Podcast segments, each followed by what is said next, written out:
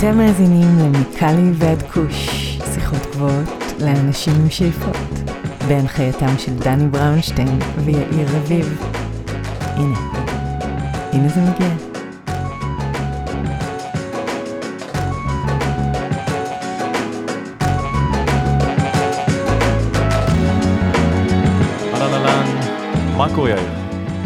בסדר, דני, בסדר גמור. אה, שבוע אינטנסיבי על תעשיית הקנאביס הישראלית, אבל אה, בוא נדבר על זה אחר כך, ספר על מי שבפרק.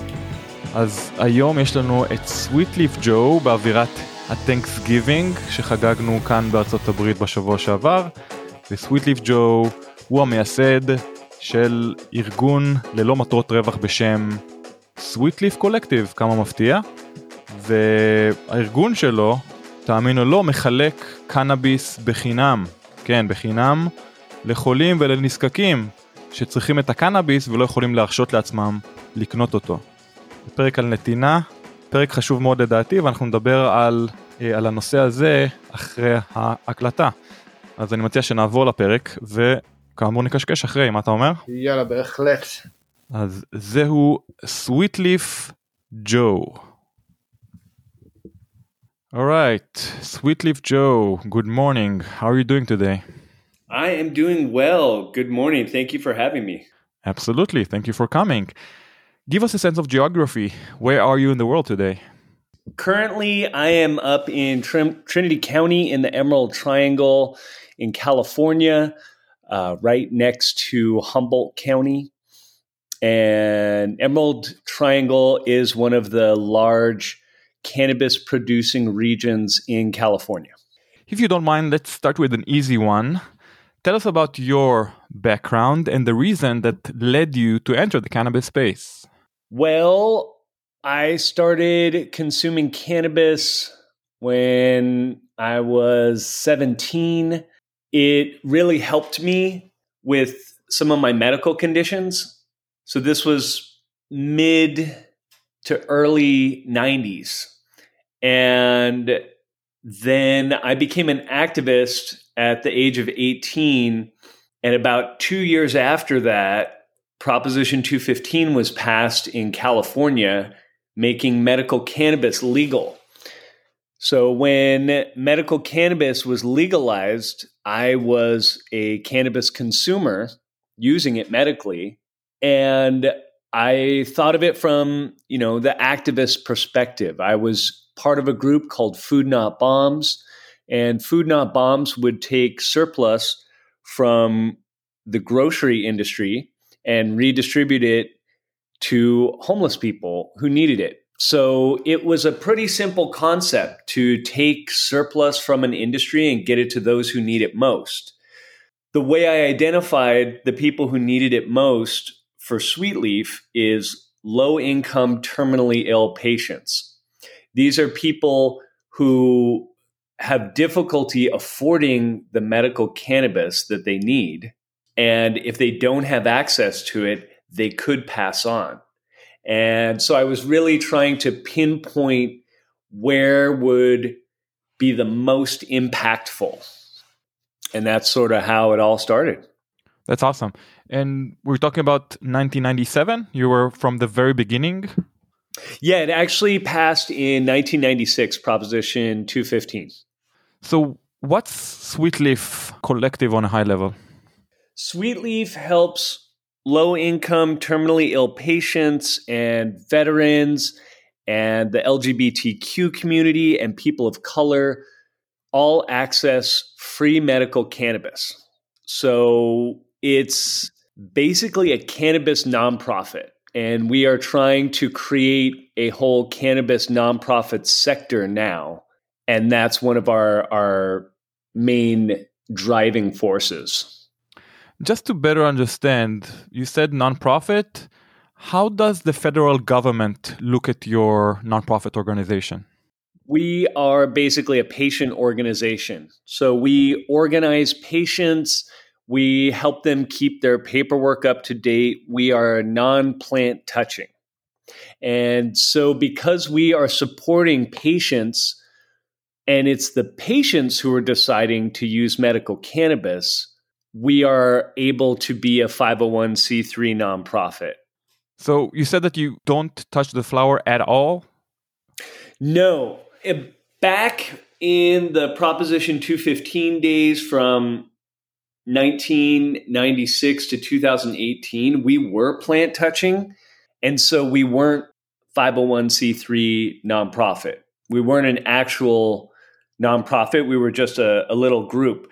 So once Proposition 64 hit, we started working in the completely regulated market. And so, with that, the only people who can give away cannabis are dispensaries and delivery services. So, we're no hmm. longer plant touching. We help organize the patients so that they know when the cannabis is available. We line up appointments for them. And yeah, it's not plant touching. At this point, with California's regulated market, you need a cannabis permit to be plant touching, and we don't have a, a plant touching cannabis permit. But I think, and correct me if I'm wrong, I think the laws also refer that uh, each individual can give away up to an ounce of cannabis to anyone they choose. Yes. Does this also apply to you or your organization, or it's completely out of context? We explored that as an option at the beginning of the implementation of Proposition 64. And it was going to be a lot more time intensive. So it didn't seem like it was going to make sense. If an individual is going to give out an ounce, legally, they're only allowed to be in possession of one ounce. So we did delivery, bike delivery for years in San Francisco. And the way that it worked is we had enough for about 15 or 20 patients in the backpack. And we would go and do all the deliveries. So with Prop 64, you would have to change that up because the person would only be able to carry an ounce. So you would be able to go and deliver an ounce, then you'd have to go back to the office to pick up another ounce, go deliver that, and then go back to the office. So each time you're having to return because you can't legally possess more than an ounce. So to Got do it. everything legally in that sort of framework is it takes a lot of work and it didn't seem like it was going to be the most impactful. So we started partnering with different dispensaries and delivery services and then they're legally able to to do all that work. Sure. So how do you approve and choose the medical users to whom you will donate cannabis products to? If you can take us through the process, please. Well, right now we take in patients sort of on an as they come in basis. And we need their doctor's recommendation that needs to be valid. And then we've been working with Meadow, which is a really great POS system for cannabis businesses. And they've been letting us have our patients' paperwork on their website. So that helps. And so we verify their doctor recommendation and get them to the either delivery service or dispensary that will be getting them free cannabis. And then also the dispensary is double checking the doctor's recommendation as well. And are you accepting uh, patients with uh, different medical indications, or are you're focusing only on cancer patients, veterans, and uh, AIDS patients for that matter? For our specific sweet leaf patients that are in the Bay Area, they are all HIV or cancer patients. Some of them have both HIV and cancer, and they're all low income. I think I forgot to mention that before. We need uh, them to verify as well that they're low income to qualify for the program. And, and how do you define low income in your book? The, there's there's like a, a California like standard for like the state creates a low income level. Um, okay. and it, it changes yearly. You know, it usually goes up due to inflation. Got it. So, what type of cannabis products are you giving away to patients? And I heard somewhere, I'm not sure if it was in a podcast or elsewhere, that you're giving away outdoor cannabis only. Is this still the case? No, no. Well, first, I just got to use um, some different language. So, we're not technically giving away cannabis. That would technically not be in line with federal law. So, we help patients access cannabis and the cannabis that we help them access, we are redistributing what is being donated. Or we're not redistributing. Well, the, the the partners are redistributing what is being donated, and so the donations, you know, range from topicals, flower, pre rolls, to vape cartridges. Basically, all forms of cannabis are being donated. Interesting. Do most of them appreciate more flowers or otherwise concentrates or edibles? Like what what do you see from your uh, statistics? What i see is everybody's different. So sure. everybody likes different things. Some people like edibles more. Yeah it's so all of the above. personal preference. Got it so what did you learn in the past 26 years about the californian cannabis industry when it comes to giving back to the community whether it's cannabis products or otherwise well, definitely the the community is very in support of compassion and health equity and the cannabis nonprofit sector. We were supported for years by small farmers in Mendocino and Humboldt. And it's been a tradition and a history in our industry.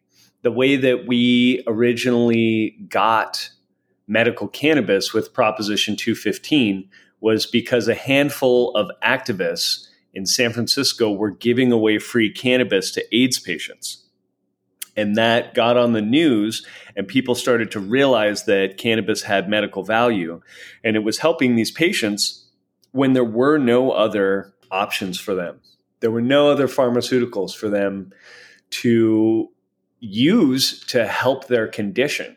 And the activists that were giving away the cannabis were Dennis Peron and Brownie Mary and Brownie Mary was actually jailed on multiple occasions because she was giving away pot brownies to AIDS patients in the AIDS ward at San Francisco General Hospital. And so the compassion and health equity and cannabis nonprofits were actually the foundation of the industry. This is what got everything going.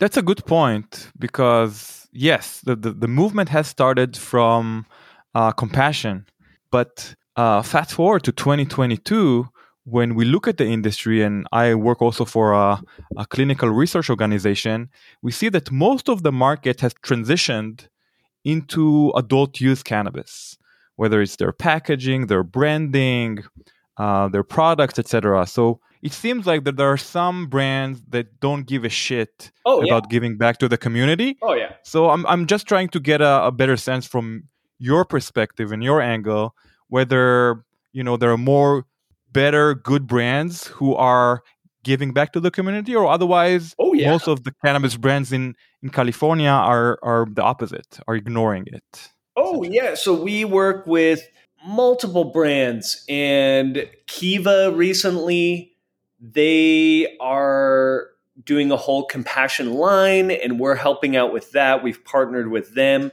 and they want to donate uh, nearly $2 million worth of free edibles. Oh, wow. We, we work with Almora, and they recently made a donation to our partner dispensaries of 800 pounds of packaged product. Nice. So we are seeing a lot of surplus in the industry right now, especially with prices coming down. And there is definitely people that want to support. And the thing with compassion in the cannabis nonprofit sector is that there are people in, you know, all different demographics. And so there's there's support for for a bunch of different things. So, you know, maybe somebody wants to see more compassion going to people of color. There are programs that do that. There are programs that help seniors, you know. There's conservative Republicans that are supporting free medical cannabis to veterans. There's so many different types of people that need this medicine that almost any average person knows somebody who needs this medicine and can't afford it. So the cannabis nonprofit sector and medical, it's not going away. The patients are still there and the patients still need our help. There's still people out there battling terminal illnesses that can't access this medicine, cannabis. And if they could access it, it would drastically improve their health. So, excuse me for my cynicism. Again, I believe that there are some good folks out there in this industry. Do you think that there are some companies that are taking advantage? Or, in other words, we have a surplus, donating product is great for PR. Let's donate some products. I mean, Does it happen? That that might be the case for me. I don't really care. For me, the bottom line is access for patients Sure. and how much cannabis can Sweet Leaf help patients and veterans access. So far this year, just in the category of, of flower, we are at approximately 1,500 pounds that our Sweet Leaf patient and veteran network has been able to access this year. So that's three quarters of a ton, which is major. It is. It is major. So, who are the main donors in the past several years? You mentioned Kiva, you mentioned Almora. Do you want to uh, Oh, yeah, name um, a few more names? Hi- Highway One um, distribution, they've been doing so much great work, volunteering their time, paying for their own gas to do deliveries. wow. Um, Nabis has been a big help. They're a large distributor, and so they have products that you know are approaching expiration, and they call us up and ask us where where the most need is, and we get it out. Let's see who else. I mean, there's a lot. Kinslips, Pacific Stone did a big donation a while ago. Soma Rosa Farms, they've donated hundreds of pounds. Buddies helped us. They made some concentrate out of a donation.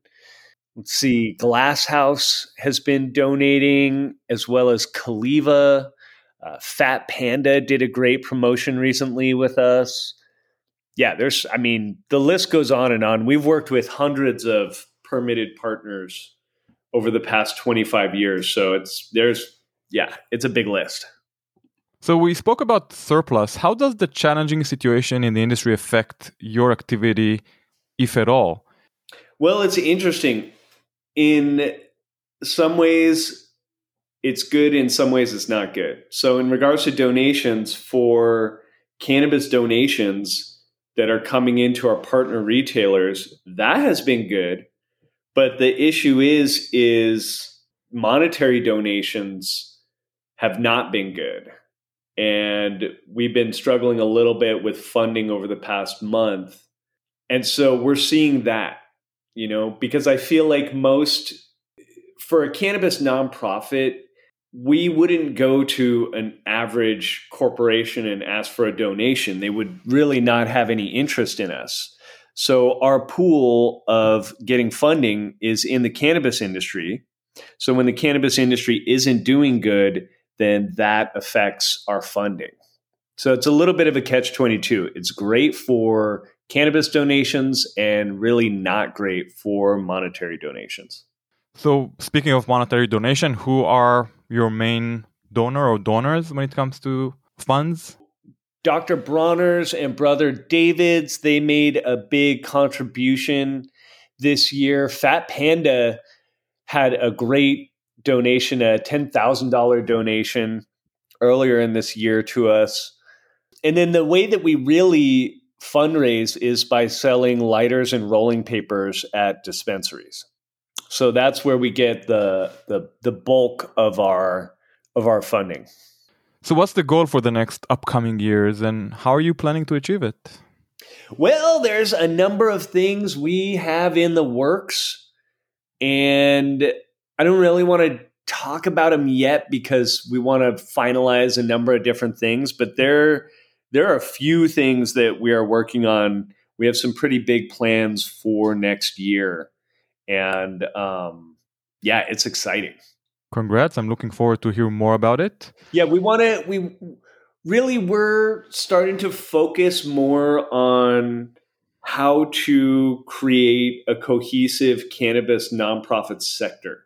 So we're looking at, you know, trying to create tools and SOPs to help other groups that don't have as much experience and want to do something like this. We want to start empowering other people to create more impact.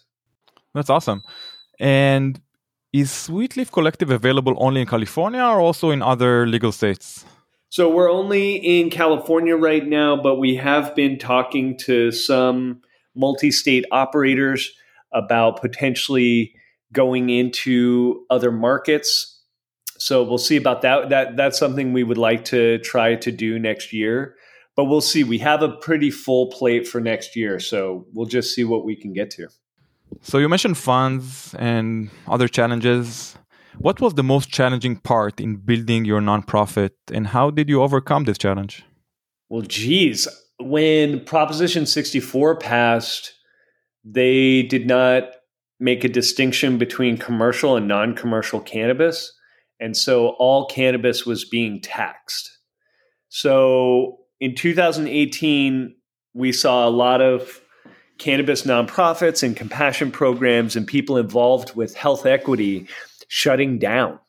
And we worked with a group of other cannabis activists and compassion advocates, and we fought for two years in Sacramento. We presented a bill in Sacramento to change the law and in 2018, it got vetoed by the governor. And then in 2019, it got signed by the new governor. And that was definitely the biggest challenge. I had never had any experience doing work crafting laws or lobbying.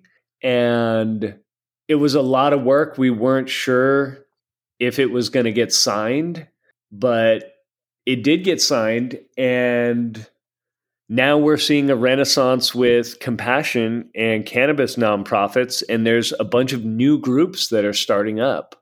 And it's because of the work we did. And like you were talking about earlier on the podcast that a lot of brands are going more for the recreational market and so that was a move sort of by the whole industry and especially by people that were crafting these these legalized cannabis laws.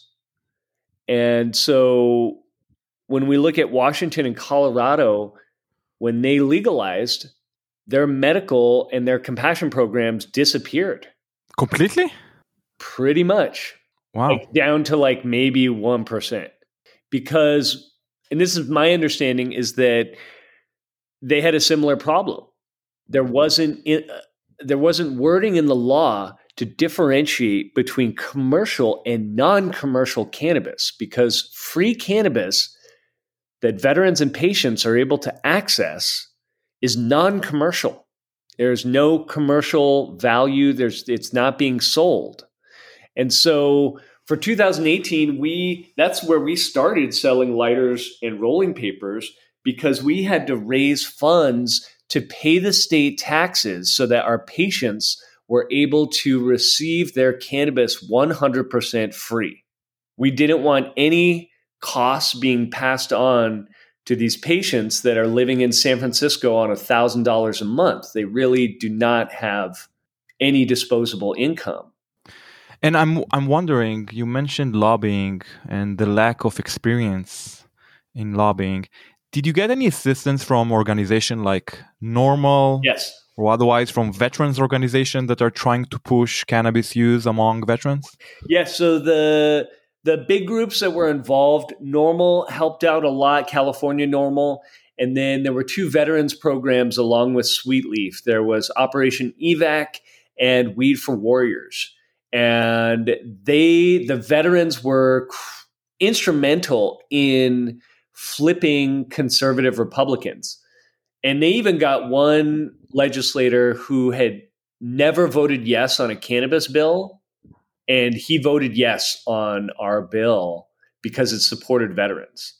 And oh, going back to what I was saying before about Colorado and Washington and them shutting down, what we were seeing, this is becoming a national trend, is that when legalization happened, the cannabis nonprofit sector was decimated and disappeared. And so that was another reason why it was so important for us to have this fight in California.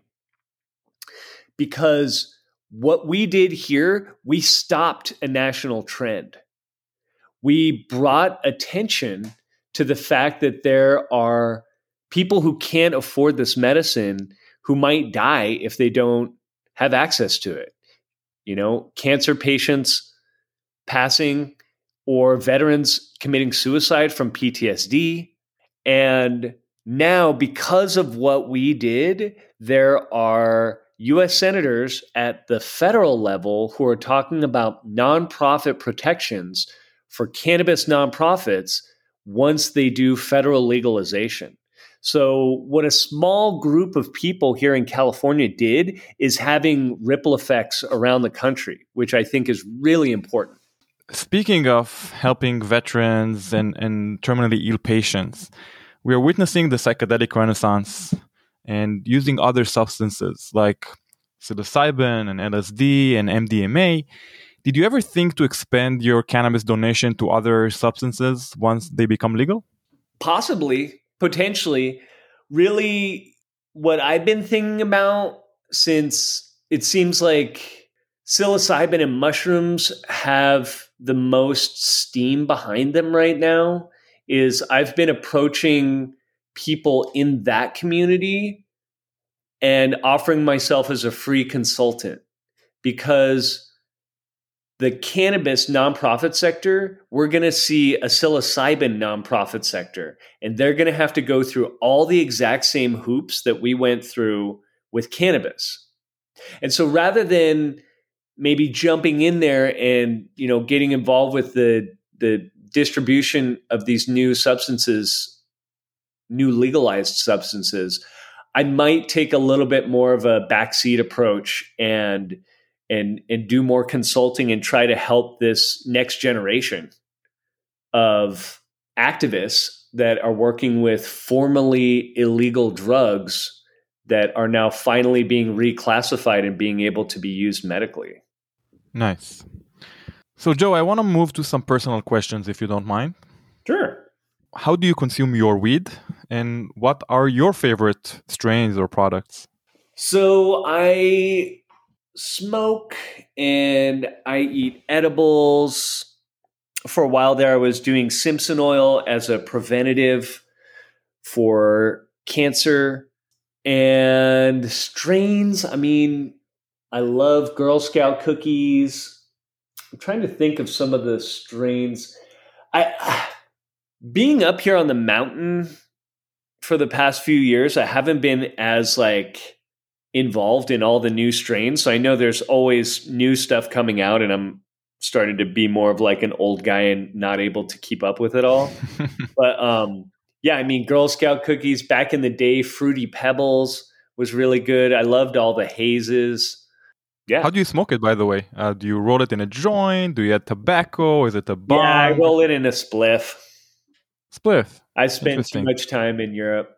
Yeah, tell me about it. Tell our listeners about it. So, 80% of our listeners are based in Israel and they're quite familiar with adding tobacco to their uh, joints or spliffs. So, you're not alone. What's yeah, your ratio, right. by the way? Is it half and half or like 80 20? Um, maybe like I used to do more like 80 20, and I think now I'm doing maybe like half and half, or maybe like 60% cannabis, 40% tobacco. Nice. So, what other players do you appreciate in the Californian cannabis space and why? Well, two groups that I really love working with are Jazz Cabbage and Operation Evac. And Jazz Cabbage is a compassion program in the Bay Area, and they help low income people of color access free medical cannabis to deal with PTSD from systemic injustice and over policing. And with their definition of compassion, literally millions of Californians qualify. And I was really excited when they first came to me and they wanted to create this program. And I gave them a bunch of free consulting. And then once they got up on their feet, we started lining them up with donations to their partner delivery service. And, you know, we've helped them access you know hundreds of thousands of dollars of free cannabis. Uh, Operation Evac and Ryan Miller, uh, another great program that we work closely with. He works with veterans, and they also do. It, it's it's kind of like a group. They'll go around in a circle and talk about you know issues in their life, and basically doing community building and peer support and then they also do a little meditation at the end of their gatherings. Oh, nice. Yeah. What's the name again? A Jazz Cabbage, you said? So that one was Operation Evac. They work with veterans, okay. and then Jazz Cabbage they work with with low income people of color in in Oakland. Nice. What other cannabis categories excites you the most? You mentioned edibles. We mentioned pre rolls. Yeah, what I mean, do you like the is, most? Is good. Pre rolls, I'm not that into. I mean, I I know how to roll a joint, so pre. What about the infused pre rolls, all the cigars, etc.? No, I'm not that into. I'm not really no. into the concentrates. Okay, it's a little bit much for me. Okay, I'm an so old edibles. I'll, I'll leave that to the kids. You know, I've been in this industry for you know 26 years legally, and then you know a few years before that, before it was legal. So yeah, I'm not. I, I'll leave it to the kids. They can try to get as high as possible. So you're into edibles. What do you think about fast acting edibles? Are you guys using it somehow? Um, yeah, yeah, I like the fast acting ones. I got some from Fat Panda recently. Yeah, I like them. I'm also I got chosen to be a, a judge for the Emerald Cup this year for edibles. So oh, congrats! That, that should be fun. Yeah, we had Tim Blake on our show a year and a half ago. Nice. The best uh, competition in the world, in my opinion, at least. Oh, yeah. Well, I mean, Tim has been doing it for years. He's been like giving us free booths for years at the Emerald Cup. We've been going to it since it was at Area 101, where it originally started. And that's a really great community of people Tim Tim does great work, and he's really there for the legacy farmers. By the way, I want to ask an unrelated question. You mentioned RSO as something that you used to consume to prevent cancer. So I'm, I definitely want to hear more about that. And I know that there is a brand in California specifically that are focusing on Rick Simpson oil.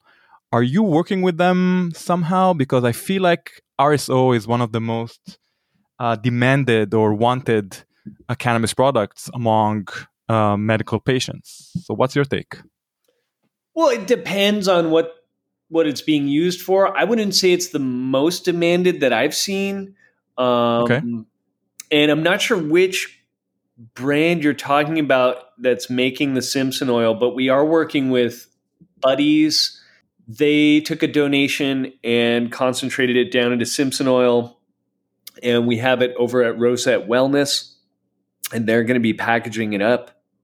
And uh, yeah, we definitely think RSO has a lot of medical value, and it would be great if all Simpson oil in California was free. Agreed.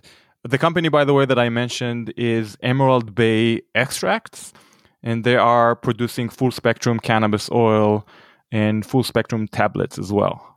Yeah, we're in talks with them right now, actually, about partnering up. Nice. And you, you mentioned that you used RSO to prevent cancer. Yes. Like, did you follow any specific protocol? Uh, like, what was the main reason why you started this? Uh, you know RSO use? Well, they say that there's such a high percentage of us that if we live to old age, we will have cancer. And that's right. what's going to kill us. And RSO is really great for beating cancer. There's people who were given a 10 day diagnosis that they would die in a week and a half. And now it's five years later and they're still cancer free and the doctors can't explain it. And yep. it, it really, it, it, it, it really works. And so my thought, I hadn't really talked to anybody about it, but my thought was if I'm doing smaller dosages of it, that Simpson oil could potentially be a preventative for cancer. So rather than waiting for the cancer to get established in my body, if I was constantly, well, not constantly, but if I was on a regimen of doing a small amount of Simpson oil, that that would be keeping my body at a at a level where potentially I wouldn't get cancer. But again, this is all speculative and anecdotal evidence. So, you know. So it's not based on literature or something like that, right? On science. No, no, it was just based on the fact that if it helped people with cancer, then it seems like it could also be a preventative. Got it. And the other thing too is I was doing Simpson oil because I wanted to know what it felt like and what the effect was if I was getting it to patients. So we sure. were making Simpson oil ourselves, you know, 10 years ago, maybe a little less than 10 years ago, but it was in the Prop 215 days, so we didn't need a permit. And we made it and we were getting it out to patients. And, you know, I wanted to know what it was like so that when I was on a delivery and giving it to a patient, that I could explain to them what it was going to be like because it's it's really strong. Simpson oil is strong, and the the most I ever did was like a half gram, which was probably like three to four hundred milligrams, and I wasn't just weed hungover the day after. I was like weed hungover the day after that as well. Whoa! So it was I my my body was like flooded with cannabinoids. Yeah, uh, not a pleasant experience from what I heard. Oh, I didn't mind it. I I'm kind of a stone and that was a half a gram. I know that some patients can should consume a full gram. Yeah, uh, and that's that's why I wanted to take it because I didn't even take the full dosage, and it was really intense. Like I've you know I had family members who were in their 80s, and I got some to them, and they even tried just like you know a small bit, like you know the size of a grain of rice, and it was too psychoactive for them and they decided that they weren't gonna they weren't gonna keep doing it.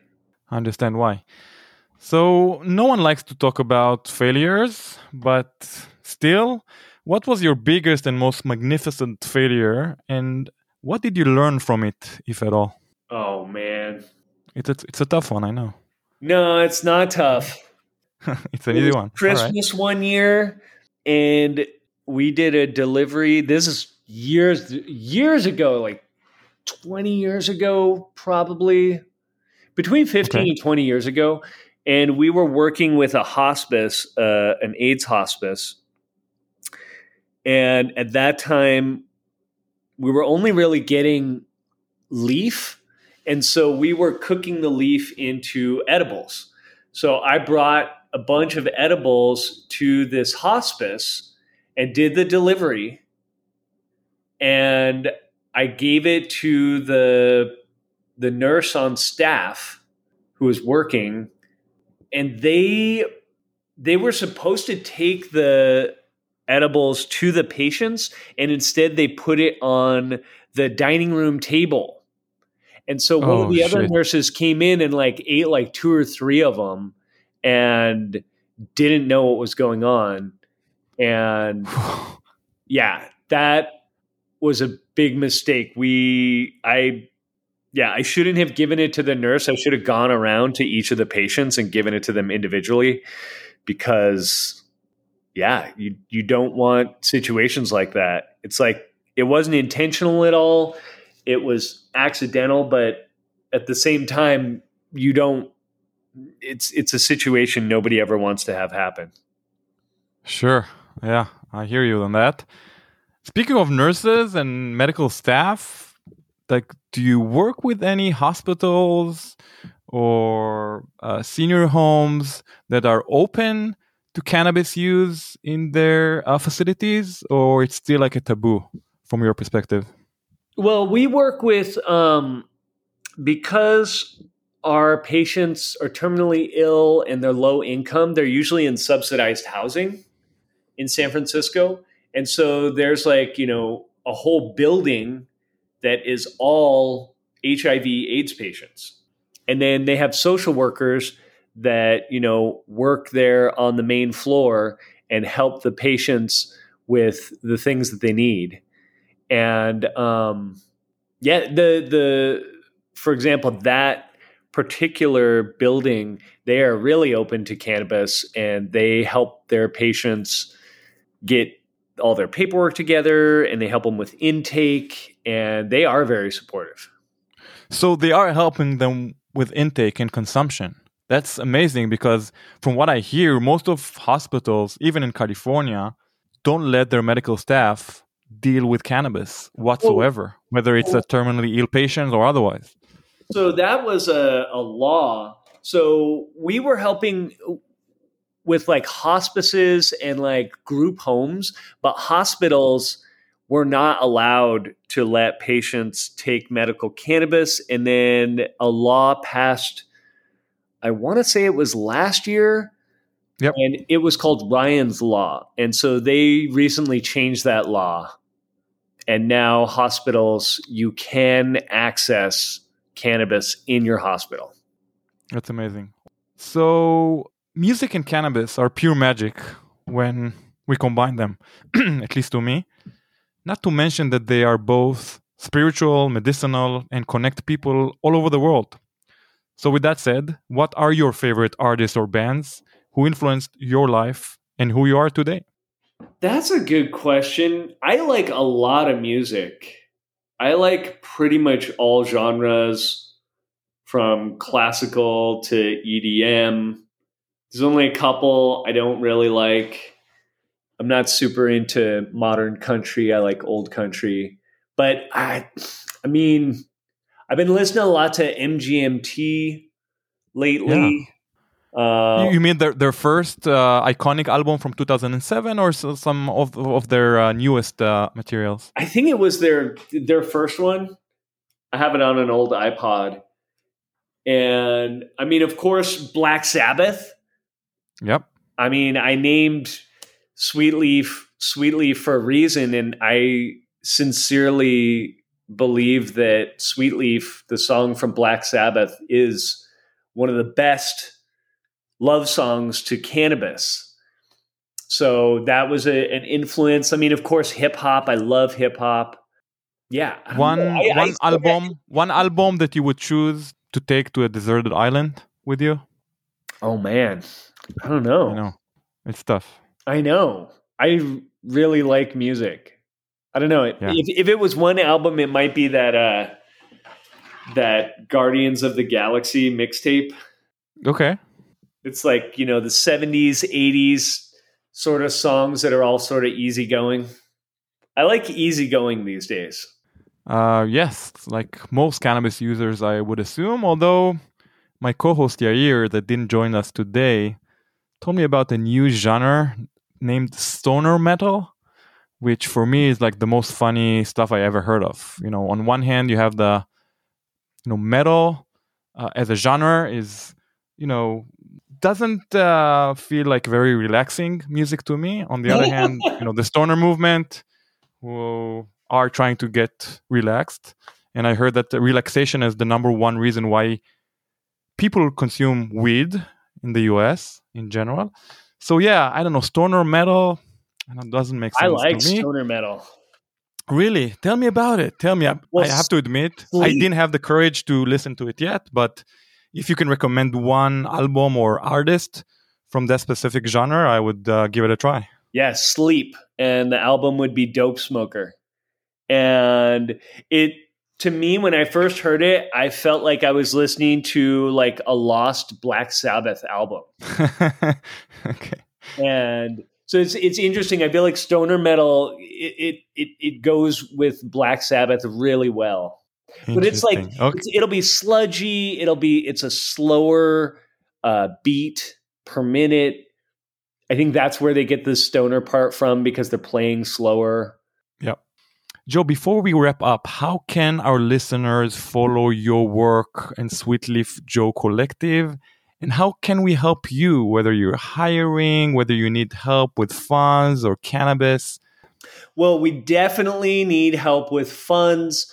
Every dollar that we're able to raise means a patient or veteran can access one free gram of medical cannabis. And you can donate through our website, sweetleafcollective.org. For our socials, we have Sweetleaf Patients on Instagram, but we're not super active after they closed down our first account that had thousands of followers and we get flagged because we deal with cannabis only we're not plant touching and we're not selling it so i don't understand why they shut our account down but yeah facebook and instagram we, we know them already and how they at least officially treat cannabis companies online but we know also on the other hand that most of their employees or at least many of them are cannabis consumers, right? For sure. Yeah. Let's hope for a federal legalization. I, I feel like that's the only solution that will somehow uh, allow us to use their platforms legally. Yeah. So, Joe, thanks again. I feel like it's uh, a topic that needs to be discussed more because of uh, this new industry that we're having right now. I feel like this medical movement from the 1990s somehow was forgotten by many folks. And we need to first understand the history of the movement and also make sure that we are continuing projects like yours and supporting them. So thank you again for doing what you're doing. Yeah, well, thank you for having me. I enjoyed myself today. And yeah, you're right. We need to talk more about the cannabis nonprofit sector, we need to talk more about health equity because it's the root of our industry and it's saving lives every day. That's what Sweetleaf does. Sweetleaf saves lives with free medical cannabis. Agreed. So, Joe, good luck in the future, both professionally and with your personal life, of course. Thank you so much, and thanks again for having me today. All right, Isaiah Sweetleaf Joe. על סוויטליף קולקטיב, על נתינה ועל נזקקים שצורכים קנאביס ולא יכולים להרשות לעצמם לרכוש אותו. מה אתה אומר יאיר? מה שאמרתי זה שבארצות הברית, בקליפורניה, בגלל איך שהצורה שהשוק בנוי אה, ובגלל שהכל התחיל בעצם מה-compassion clubs, אז אה, א' המטופל וזה שהמטופל אמור לקבל טיפול בזול אם לא בחינם כשהוא אפילו לא יכול לשלם זה מובן מאליו. פה אין את הדבר הזה. פה מתייחסים לקנאביס. אה, למה? תראה דבר בוא נשים עובדות על השולחן אוקיי? קנאביס זה טיפול יקר בישראל הוא לא מסובסד כדורים. רגע מה לא מסובסד? אתה רוצה להגיד 300 שקל לשקית זה מחיר רגיל זה לא מסובסד? זה אף אחד לא מחזיר להם כסף על זה זה לא מסובסד אין זה תחרות חופשית. אם אתה תמכור בשקית ב-400 שקל או ב-500 שקל לא יקנו ממך. אגב okay. אוקיי. 300 זה, זה הקצה הגבוה היום רוב הסחורה שזזה זזה ב-150-200. אנחנו עדיין מדברים על 10 גרם? כן. זה הכמות? כן. תשמע זה זול. אנחנו כבר נדבר על ההשלכות אוקיי אבל תמשיך לגבי למה זה לא אפשרי בישראל למה זה לא קורה. א' זה לא שזה לא אפשרי יש איזה שהם כמה חבר'ה ש... שדואגים לזה אני לא יודע אם אתה מכיר את אה, אני אולי יש עוד אבל הכי בולט וזה שיש הכי הרבה רעש סביבו זה אביחי ויקטור סמילה. שיש לו את הגמח הירוק שהוא הסתדר עם כמה בתי מרקחת והוא משיג משלוחים מחברות קנאביס רפואי ואנשים פונים אליו והוא שם אותם ברשימות בבתי מרקחת וכולם פה מקבלים קנאביס בחינם והוא מביא כמויות כמויות. אתה יודע כמה חולים אה, הוא מספק להם קנאביס? אני לא נכנס למספרים. אה... עשרות מאות לא, לא אלפים בטוח. עשרות עשרות. עשרות. אוקיי. אבל, אבל עובדתית מתייחסים לזה כאיזשהו טיפול שוואלה אם אתה רוצה לטפל בקנאביס אתה הולך פה לדמם כסף שזה די מטורף מצד שני כאילו נוצ... יש איזשהו עיוות בשוק הישראלי שבגלל הסיפור שלפני הרפורמה כל הקנאביס היה כאילו לא משנה איזה כמות היית משלם 370 שקל אנשים חושבים שזה המחיר של קנאביס. אוקיי אז הם חיים באיזושהי אשליה שאתה יכול לקבל כל כמות של קנאביס בפחות מ-100 דולר. ואז כש... תשמע, זה, זה מחיר טוב אגב, שוב, אם אנחנו עכשיו נסתכל על 300 או 400 שקל שקית, נגיד סביב ה-100 דולר או פחות, זה 10 דולר לגרם, זה מחיר שהוא פחות או יותר דומה למה שאנשים משלמים בשוק הצפון האמריקאי. תלוי איפה כמובן, תלוי באיזה לא, רמה של אה, מוצר, אבל זה דומה, זה מחירים דומים. בקליפורניה הייתי משלם 6 דולר לגרם. אה, כן, לואו שף אתה יכול אפילו... איזה כן, שף? מעשן לא שף? לאן הלכת? אז לא היום, היום כבר אתה לא יכול לקנות אה, טופ, שלט בשישה דולר לגרם, לא, לא קורה. אוקיי, וואלה. אז אתה מבין את העיוות אבל אבל אז יש פה איזשהו עניין תפיסתי כאילו כמחיר של קנאביס באופן אבסולוטי זה זול אוקיי? אי אפשר להתווכח עם זה זה זול. הכי יקר לא, בארץ זול אבל בהשוואה לעגבנייה הוא לא כזה זול, הוא זול לא בהשוואה נגיד למה שעשו ממנו פעם, לא- בהשוואה למה שהיה בשוק השחור. תקשיב אתה אנחנו חייבים לצאת א' זה זה אחת זה משהו שמשתמטם אותי זה הקטע הזה שזה כמו עגבנייה זה כמו נאנה זה כמו כל אחד זה לא, זה לא, לא זה לא. זה לא איתך. עובדה שאתם כל היום מתלוננים על זה שהקנאביס גרוע ואז אתם אומרים אבל זה כמו לגדל עגבנייה וואלה מסתבר שלא ברור, וגם רגולציה על עגבנייה היא לא כמו רגולציה על קנאביס, אנחנו יודעים את זה, דיברנו על זה מספיק. לא תקשיב גם אם לא הייתה לך אפס רגולציה היית יכול לעשות מה שאתה רוצה ולגדל קנאביס זה צמח שכדי לגדל אותו. אתה יודע כל אחד שגידל שישה צמחים בארון עכשיו חושב שהוא מומחה ונותן עצות לגדולים ממנו. אבל Yeah. כשאתה מגדל גידול מסחרי ואתה מחזיק אלפי צמחים זה סיפור שונה לגמרי מהצ'וקו מוקו שיש לך בארון. אוקיי זה שגידלת זה לא אומר שאתה יודע לגדל קנאביס ואתה לא יכול להסיק מזה לגבי מהו גידול מסחרי של אלפי צמחים של תהליך שהוא תעשייתי שצריך לחזור לעצמו שוב ושוב. זה עולם אחר. אז Yeah. אז וזה צמח רגיש למזיקים וזה צמח שהוא רגיש ללחות זה צמח שמאוד בקלות כאילו אם הוא אם יש עליו עובש ברמה הכי מינימלית שיש זהו הלכה התוצרת על כל צמח אחר שאתה אוכל אתה מקבל את זה שיש עובש ברמה שאתה לא רואה אותה אפילו.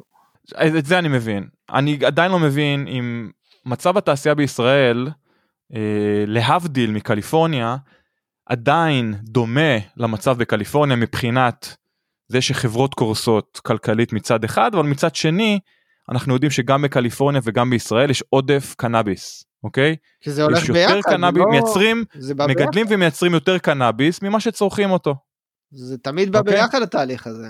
עודף ההיצע? גורם לחב... ל... ל... לתחרות להיות קשה ובתחרות קשה מי חד משמעית. שבנוי לזה נערך כאילו אתה יודע עכשיו זה משחק של זה, זה מתמצק לכדי חברה אחת שתשלוט בשוק. ו...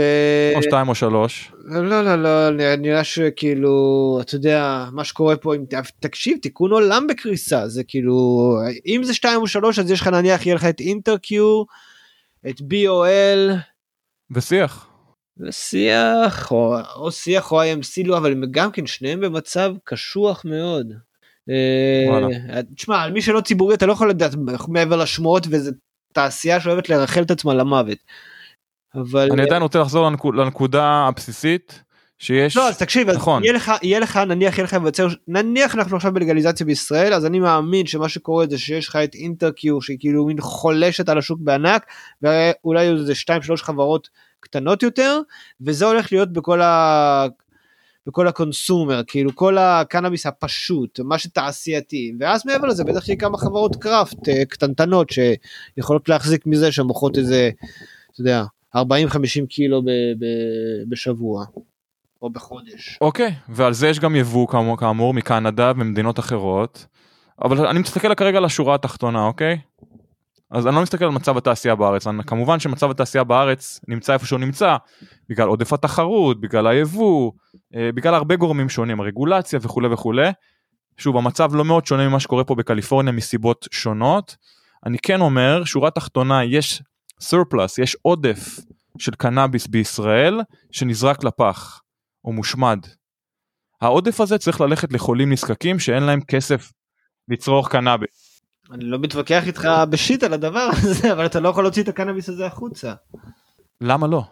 אה, בוא, אתה צריך להבין את הסיבות להשמדה, כאילו, זה ש... לא, אני לא מדבר עכשיו עם עובש או גילו איזה באג בבאץ' עצמו. זה ברור שישמידו ולא ייתנו את זה לחולים. לא, כן, סבבה, לא אז מה האופציה הבאה שבאה? נניח כי יש לך סחורה טובה שנארזה והגיעה לבתי מרקחת, היא מוחזרת להשמדה כשהיא פג תוקף. אז כאילו, אתה עכשיו נמצא בלופ, שמי ייתן לך לתת סחורה פג תוקף ל- להומלסים?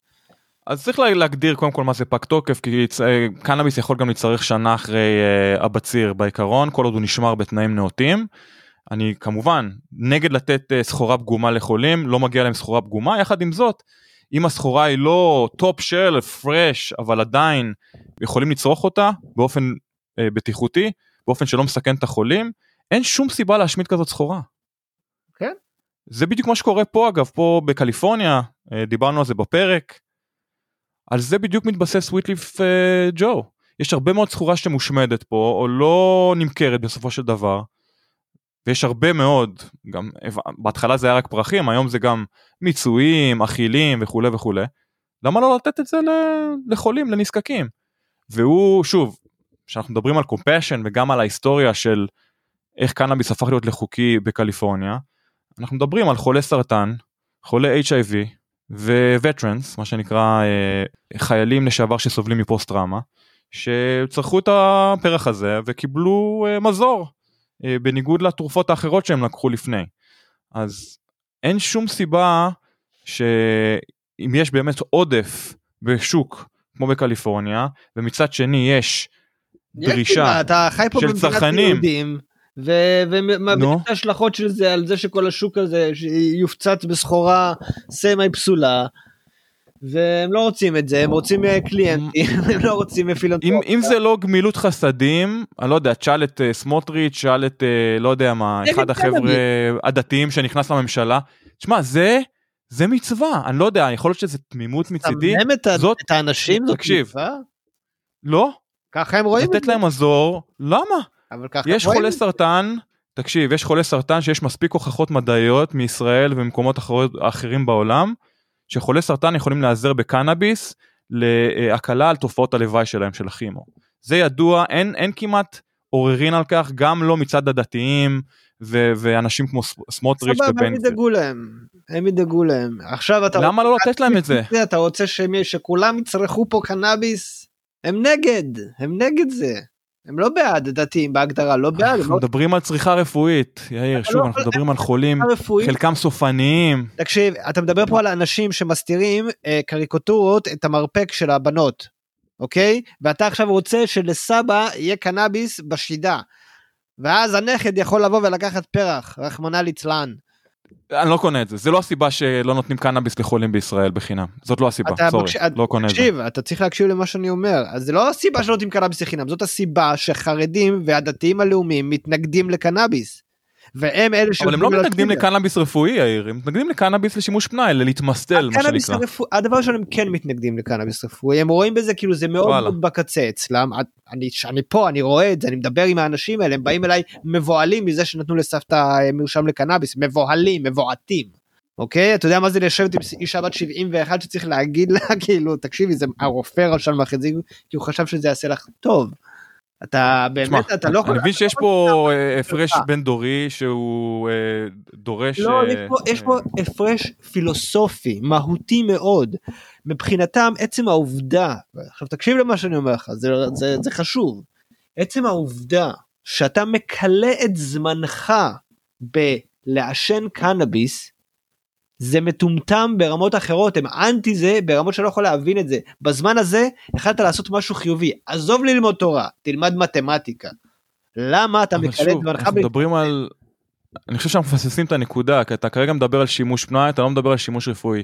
סבתא שיש לה תופעות לב, אתה תופעות לא- לוואי מהכימו ואין לה תיאבון והיא לא ישנה טוב, תקשיב צריכה. קנאביס, כי זה. עוזר לה.